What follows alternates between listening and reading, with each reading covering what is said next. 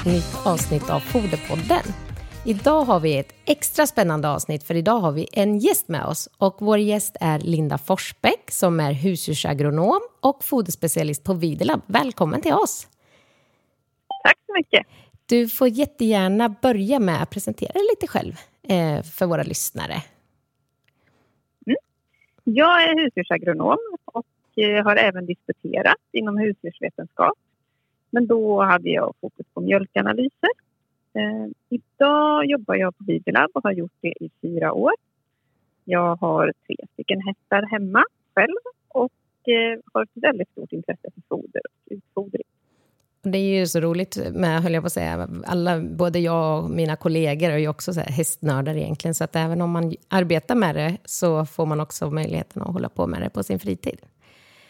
Mm, Ja. det, det är roligt.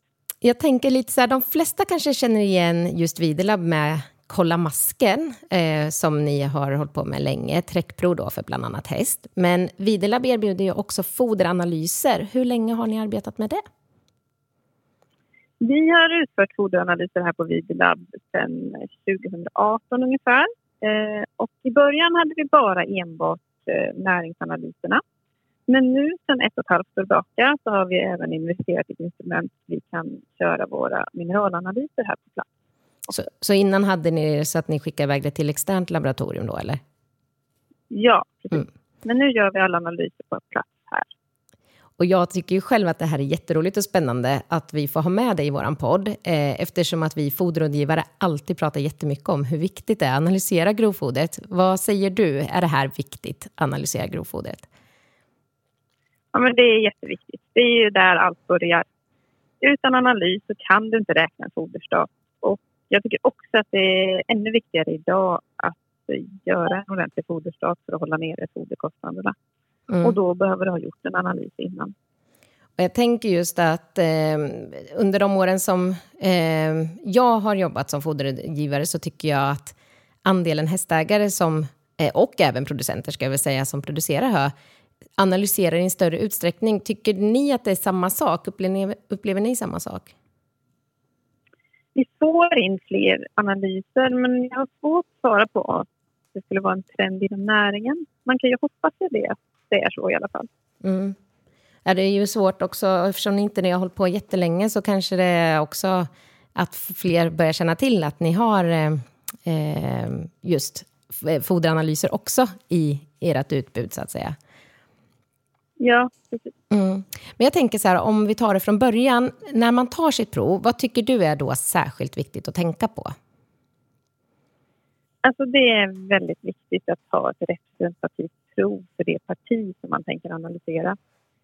Ehm, och man har lite olika provtagningsstrategier beroende på vilket foder man har. Och man kan säga att det är få hästägare som har tillgång till en riktig provtagningsborr för att kunna borra och ta ett foderprov. Så det gäller att hitta andra sätt för att ta provet på ett ändå representativt sätt.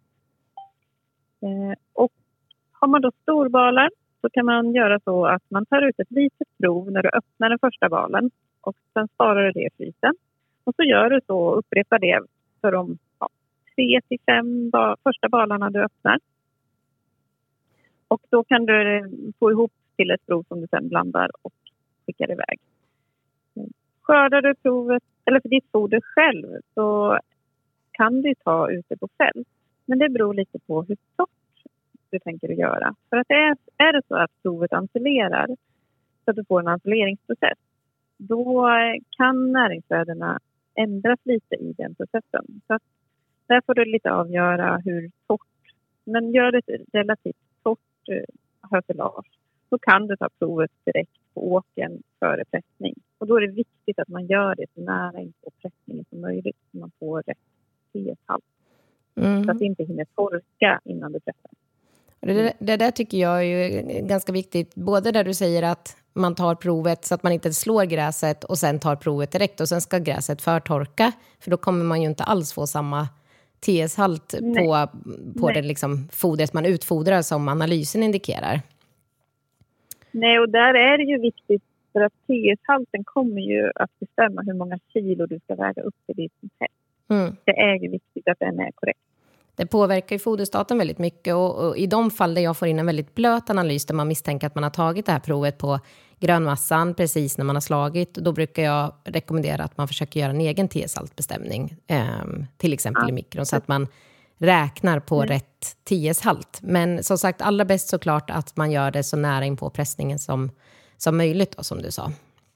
Så att Ja. det blir rätt. Och, Och, och, ja, säg du. jo, men eh, tar man provet på åken då är det ett bra sätt att gå diagonalt över åken och ta ut provet på flera ställen. Och det tänker jag, då blir det ju väldigt representativt eh, jämfört med att om man nu skulle till exempel bara öppna en plastad bal och ta ett prov så får man ju inte alls samma spridning som man får om man Nej. tar det. Så att eh, antingen så har man plastade balar, antingen öppna en i taget och frysa eller så ta direkt Mm. på fältet innan man plastar fodret. Då. Ja. Det är bra. Eh, och har man småbalar så eh, kan man ju öppna balar och ta ut ett litet prov från varje bal. Och då rekommenderar jag ungefär 5 till 10 balar att man öppnar dem och tar ut lite prov från varje. Och oavsett hur man tar det här provet är det viktigt att få med allt, allt material. Få med bladen som finns i fodret. Så att man får inte riva ut eh, ur balen utan man ska ta försiktigt så att får med små blad och, och allting. Man får För öppna balen kanske. Ja, precis. Mm. Och det, jag brukar säga det när jag får frågan, eh, att man försöker tänka att det ska se ut som det man ger till hästen. För som du säger, balen fortfarande packad och eh, snören sitter kvar så om man drar ut provet så trillar ju eh, kanske mycket av de här bladen som innehåller mycket näring bort i, eh, när man tar sitt prov. Ja, och de vill vi ha med.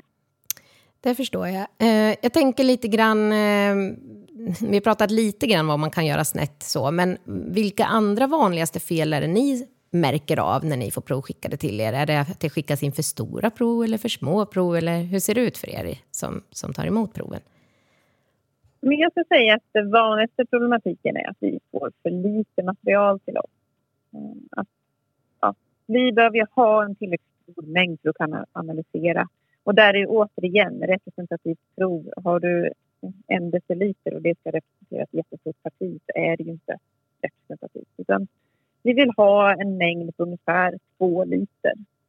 För om man eh, använder de påsarna som vi skickar med våra produkter så fyll den helt och hållet och pressa ur luften så att det inte finns någon luft kvar i påsen när vi skickar in. Mm, så, så bättre kanske att man, är man lite osäker, att då tar man lite extra istället. Ja. Så att ni får tillräcklig mängd foder att analysera. Ja, och det är också så torrsubstanshalten kommer också vara väldigt svår att göra på litet prov. Alltså det blir inte så, så tillförlitligt. Nej. Jag tänker sen när provet väl har kommit till er, vad händer då? Vi märker alla våra prover med streckkodsetiketter och de här streckkoderna följer provet genom hela kedjan. Därefter så väger vi in eh, fodret och eh, låter sedan det torka över natten i en ugn som håller 60 grader. Och sen väger vi det torra fodret igen. Och då vikten före ugnen och efter eh, vi har torkat det kommer ge oss torrsubstansen på fodret. Efter det här så maler vi fodret till ett fint pulver. Och när det är i det här fina pulvret så kan vi analysera det i vårt merinstrument där vi får ut näringsvärdena. Efter detta så gör vi vår mineralanalys. Och för att vi ska kunna analysera på mineraler så behöver vi eh, koka bort allt organiskt material så vi bara har mineralerna kvar. Och det här gör vi genom att koka fodret i starka syror i höga temperaturer. Och när vi sen då har fått bort allt organiskt material så har vi en lösning som vi analyserar i vår ICP-MS för de mineralerna som kunden har beställt. Så det är, kan man säga ett, ett gäng olika saker som ni gör för varje prov som skickas in då, beroende på hur mycket man väljer att analysera för. Ja, precis. Men de här analyserna, du nämnde lite grann. Vad är ni analyserar för? Vilka analyser genomför ni? Eh, Ja, först så är det då T1-halten, eller torrsubstanshalten. Och det är ju ett mått på hur stor andel av fodret som är torrt. Och det gör vi genom att väga fodret på en finkänslig våg och torka det. Är de instrumenten man behöver för att göra en torrsubstanshalt. Sen använder vi ett NIR-instrument och där analyserar vi energi och protein, MDF som är ett mått på växtfiber och socker. Och sen Det hade ni... En... instrumentet Ja, fortsätt. eh, det mäter olika våglängder. Och i en kalibrering som är en slags matematisk modell som vi har lärt upp instrumentet utifrån referensprover så får vi ut de olika näringsvärdena. Så det är ett väldigt finkänsligt instrument. Ja, det är ett, eh, ja, ett känsligt instrument och också ganska stabilt instrument. Mm. Eh, och sen så hade ni eh, ett annat instrument där sen som ni då eh, mäter mineralerna med. Ja, det gör vi genom en ICP-MF. Och det är ett instrument som mäter laddningar av de olika mineralerna och översätter det till mängder. Och det här är ju ett väldigt finkänsligt instrument. Så om man skulle lägga ett saltkorn i en simbassäng så skulle vi kunna detektera det, det saltmängden med hjälp av det här instrumentet. Det är väldigt fascinerande tycker jag. Eh, och Ja, verkligen.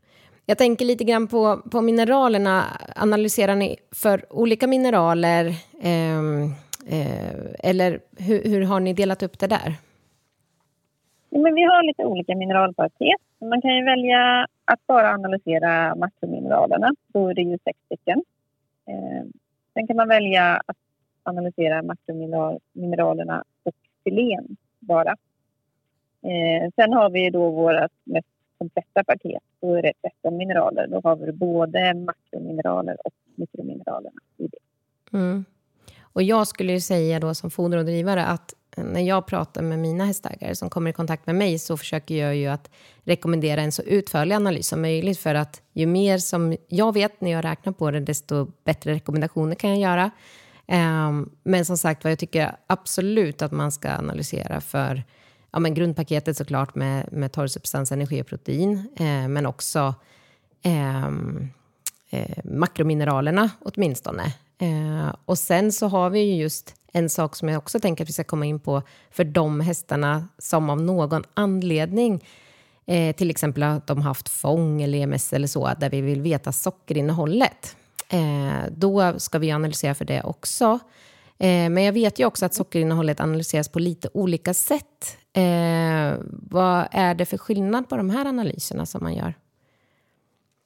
Eh, man kan välja att analysera eh, genom en ren kemisk analys. Eh, men sen kan man också göra det via NIR-instrumentet och det har vi på Videlab valt att göra. Och då är det så att vår metod på NIR-instrumentet det bygger på den kemiska analysen och ger ett motsvarande resultat. Eh, så att vi har lärt upp vårt instrument med hjälp av kliniska analyser, referensanalyser. Och det här är något vi följer upp kontinuerligt i vårt kvalitetsarbete. Mm. Um, så att mm, ni gör en sockeranalys med det här känsliga NIR-instrumentet då på Videlab. Um, hur mycket skulle du säga att provresultatet eh, varierar mellan olika prov?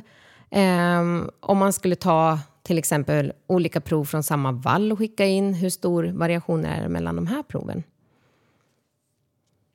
Det är klart att det finns en naturlig variation. Men är fältet hyfsat homogent så är variationen inte så stor så det spelar någon större roll ur utprovningssynpunkt. Nej. Och då återigen att man ska ta ett representativt prov. Mm. Och det är ju då täcker man in den variationen. Mm. Och jag tänker lite grann, för vi rådgivare får ju ofta frågor kring hur tillförlitlig analysen egentligen är.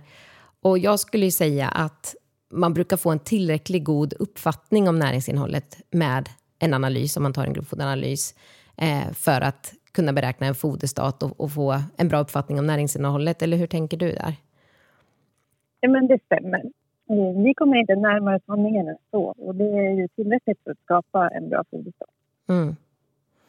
Så att eh, vi kan ju fortsätta att konstatera att, att eh, göra en grov foderanalys gör alltid att vi kommer närmare en bra foderstat än att inte göra någon grovfoderanalys. Eh, jag tänker så här också, för att säkerställa att ni har en bra kvalitet på era provresultat, är det någonting särskilt som ni gör då? Eh, vi är akkrediterade det innebär att eh, vi varje år har en revision från SEDAC som är ett kontrollorgan som är oberoende. Och eh, där är det så att de eh, säkerställer att vi följer vår kvalitet. Vi skickar iväg eh, prover för referensanalys och verifierar våra metoder. Vi kontrollerar våra analyser varje gång vi kör genom att analysera ett kontrollprov som är känt. Eh, Och det här eh, sammantaget gör att vi kan hålla en god kvalitet på analyserna. Ja, det låter ju jätte, jättebra. Det är ju tryggt också för mig då som hästägare om jag skickar in ett prov till er och vet att ni har den här eh, egna kontrollsystemet så att säga. Ja. Eh, jag tänker också, en fråga som jag får väldigt ofta, det är ju de här hästägarna som kanske har väldigt många olika fält. Hur tycker du att de ska göra med analysen då? Alltså, Min uppfattning är att man ofta struntar helt i att analysera. Att man tänker, ja men det är ingen idé för jag har så många fält. Eh, har du några specifika råd där att ge? Alltså det bästa är ju såklart att analysera varje fält. Eh, Men man kan tänka ett steg längre. Kommer jag dela upp mitt foderparti efter fälten eller inte? Eh, Och har man samma vallblandning, är vallen gödslad lika, är det samma skördetidpunkt? Ja, då kanske det kan vara ett sätt att bara ta ett samlingsprov eh, om man vill hålla nere kostnaden. Men såklart, det optimala är att ta från varje fält. Och jag tänker att det kanske är många som, som inte ens riktigt har koll på från vilket fält de fodrar. Man blandar ihop alla balar. Så det är ju någonting som är viktigt att tänka på. Eh, att man faktiskt verkligen har koll och märker upp vilka balar som kommer från vilket fält. Men just de här ekonomiska aspekterna eh, för en grovfoderanalys som du nämner. Att man kanske tycker att det är lite dyrt och drar sig för att analysera sitt grovfoder. Men här skulle jag påstå att det är alltid lättare att planera sin fodring eh, om man har en grovfoderanalys och att det blir mer ekonomiskt än att fodra bara på känn. Eller vad säger du? Nej, Men jag skulle säga att det är billigt att göra en foderanalys som hjälper dig att få en balanserad foderstat jämfört med att köpa fodermedel som du inte vet att du behöver till din häst eller att överutfodra hästen. Mm. Så alltså, foderanalysen det är ju en engångskostnad och jag tror att du känner igen den eh, jämfört med att bara fodra på känn. Jag vet ju, jag, jag tror kanske att jag nämnt det någon gång förut i, i podden, men just att jag kan råka ut för hästägare som något år har haft en häst som har fallit ur muskulärt och, och för säkerhets skull så börjar den fodra lucern till exempel och sen ger man ett halvt kilo lucern då under sex månader och det blir en ganska stor kostnad om det inte skulle behövas. Så jag tänker att i jämförelse med Särskilt nu när, när många kostnader går upp så är det ju jätteviktigt att kan, kunna ta den här analysen och eh, på det sättet spara pengar i slutändan. Eh, och, och jag tänker också att många gånger kan jag ju få höra att, ja men hur gjorde vi förr då, när vi inte hade eh, analyser? Det gick ju bra då. Och, och jag tänker att det kanske inte alltid var så att det gick jättebra och också det att forskning går framåt. Idag så har vi ju fantastiska, jag menar de redskap och analysmetoder som nu, du nämner är ju jätte, jätte eh, utvecklade. Så att jag menar att vi har möjligheten att använda de här. Eh, det är ju klart att vi ska utnyttja, tänker jag, de metoder som finns tillgängliga idag. Absolut. Eh, en annan sak som jag tycker är intressant eh, och som vi också stöter på ibland, eh, det är ju när vi läser, jag läser ju extremt många, hundratals, eh, tusentals analyser, jag på att säga. Och det är ju Ja. när vi får stora avvikelser från det normala. Det kanske kan vara ett jättehögt järnvärde. Hur hanterar ni det på labbet? Reflekterar ni kring det och agerar på det, eller hur går det till? Ja, men vi gör en rimlighetsbedömning på alla analyser som görs. Så vi tittar igenom alla analyssvar innan vi svarar ut det till kunden. Och hittar vi någonting som avviker så kan vi välja att analysera om provet för att säkerställa att det inte har gått fel hos oss. Och ehm, så. Men sedan ja, har vi säkerställt att ja, men det är det här som provet innehåller. Ja, då väljer vi att svara ut till kunden. Men vi kan också kontakta kunden och diskutera kring värdet. Och när man väl gör det så kan man ofta hitta en rimlig förklaring till det. Mm. Och om jag som kund då skulle misstänka att något har blivit tokigt, att man tycker nej men det här, så här, det här var verkligen inte vad jag trodde, eller jag vet inte. Kan man kontakta er då och fråga eh, om, om provresultatet? Absolut. Det går jättebra att mejla till oss eller ringa till oss. Och det är också så att vi sparar alla våra foderprover som vi analyserar här på Videland i ett halvår. Så är det så att eh, ja, men det är någonting man undrar över. Det finns alltid möjlighet att köra om provet. Och det kan också vara så att vi kan göra en annan analys på det som man redan skickat in. Så att kommer man på två månader senare, men jag skulle ju haft mineralerna. Ja, då kontaktar man oss och så plockar vi fram foderprovet och, och kör mineralerna på det. Det tycker jag är ju en jätte, jättebra eh, vad ska man säga, eh, tjänst som ni har, att, man, att ni har de här proverna sparade. Mm. Eh, tycker du att det är någonting som vi har glömt att ta upp? Jag tänker, det är du som är experten på det här. Mm. Men jag tycker att vi har fått med det som är viktigt. Eh, jag tycker vi har pratat om ja, representativt prov. Det är väldigt viktigt. Och att faktiskt göra foderanalysen. Mm. Ja, vi är jättetacksamma att du ville vara med oss i vår podd. Jag tror att våra lyssnare verkligen kommer uppskatta att ta del av all din kunskap. Mm, tack för att jag fick vara med. Det var jätteroligt att få delge lite kunskap och prata lite foderanalyser. Ja, men jag tror att det är många som inte riktigt vet vad som händer bakom kulisserna så när provet väl kommer in och så. Men om det är så att man inte har tagit en analys eh, men känner att man vill göra det, eh, hur gör man då skulle du säga Linda? Men då kan man gå in på Videolabs webbshop och eh, där kan man köpa våra förbetalda kuvert med foderanalyser och då kan man välja redan från från början vilket paket man vill analysera. Mm. Och det är Sen ganska får man då hem det. Ja, det är enkelt. Eh, och då får man hem det här förbetalda kuvertet och det är då värdehandeln. Då har du betalt analysen. Så skickar man in den så, så är den analysen redan betald. Mm. Det är jättesmidigt. Och vi har ju också möjlighet, eh, vi som jobbar eh, som foderrådgivare på Hippolyt, vi har ju också provtagningskit med oss ut. Så om vi kommer ut i ett stall till exempel där man inte har tagit en analys, eh, då har vi möjlighet att också kunna erbjuda de här provtagningskitten. Och så tänker jag så här att när man väl får sitt provresultat så kanske det är så att man också vill ha hjälp med att hantera resultatet. För det här är ju också, det, är ju, det har vi pratat om i andra avsnitt, det är ju också en hel vetenskap. Så då får man jättegärna då höra av sig till oss foderrådgivare så hjälper vi till att räkna en balanserad foderstat ut efter den här analysen. Och då kan man antingen mejla oss på info.hippolyt.se eller så kan man ringa på 041 486 100. Men med det sagt så tänker jag att vi tackar så hemskt mycket Linda för att du var med oss och eh, så får vi se om vi får anledning att återkomma någon gång i framtiden. Tack. tack.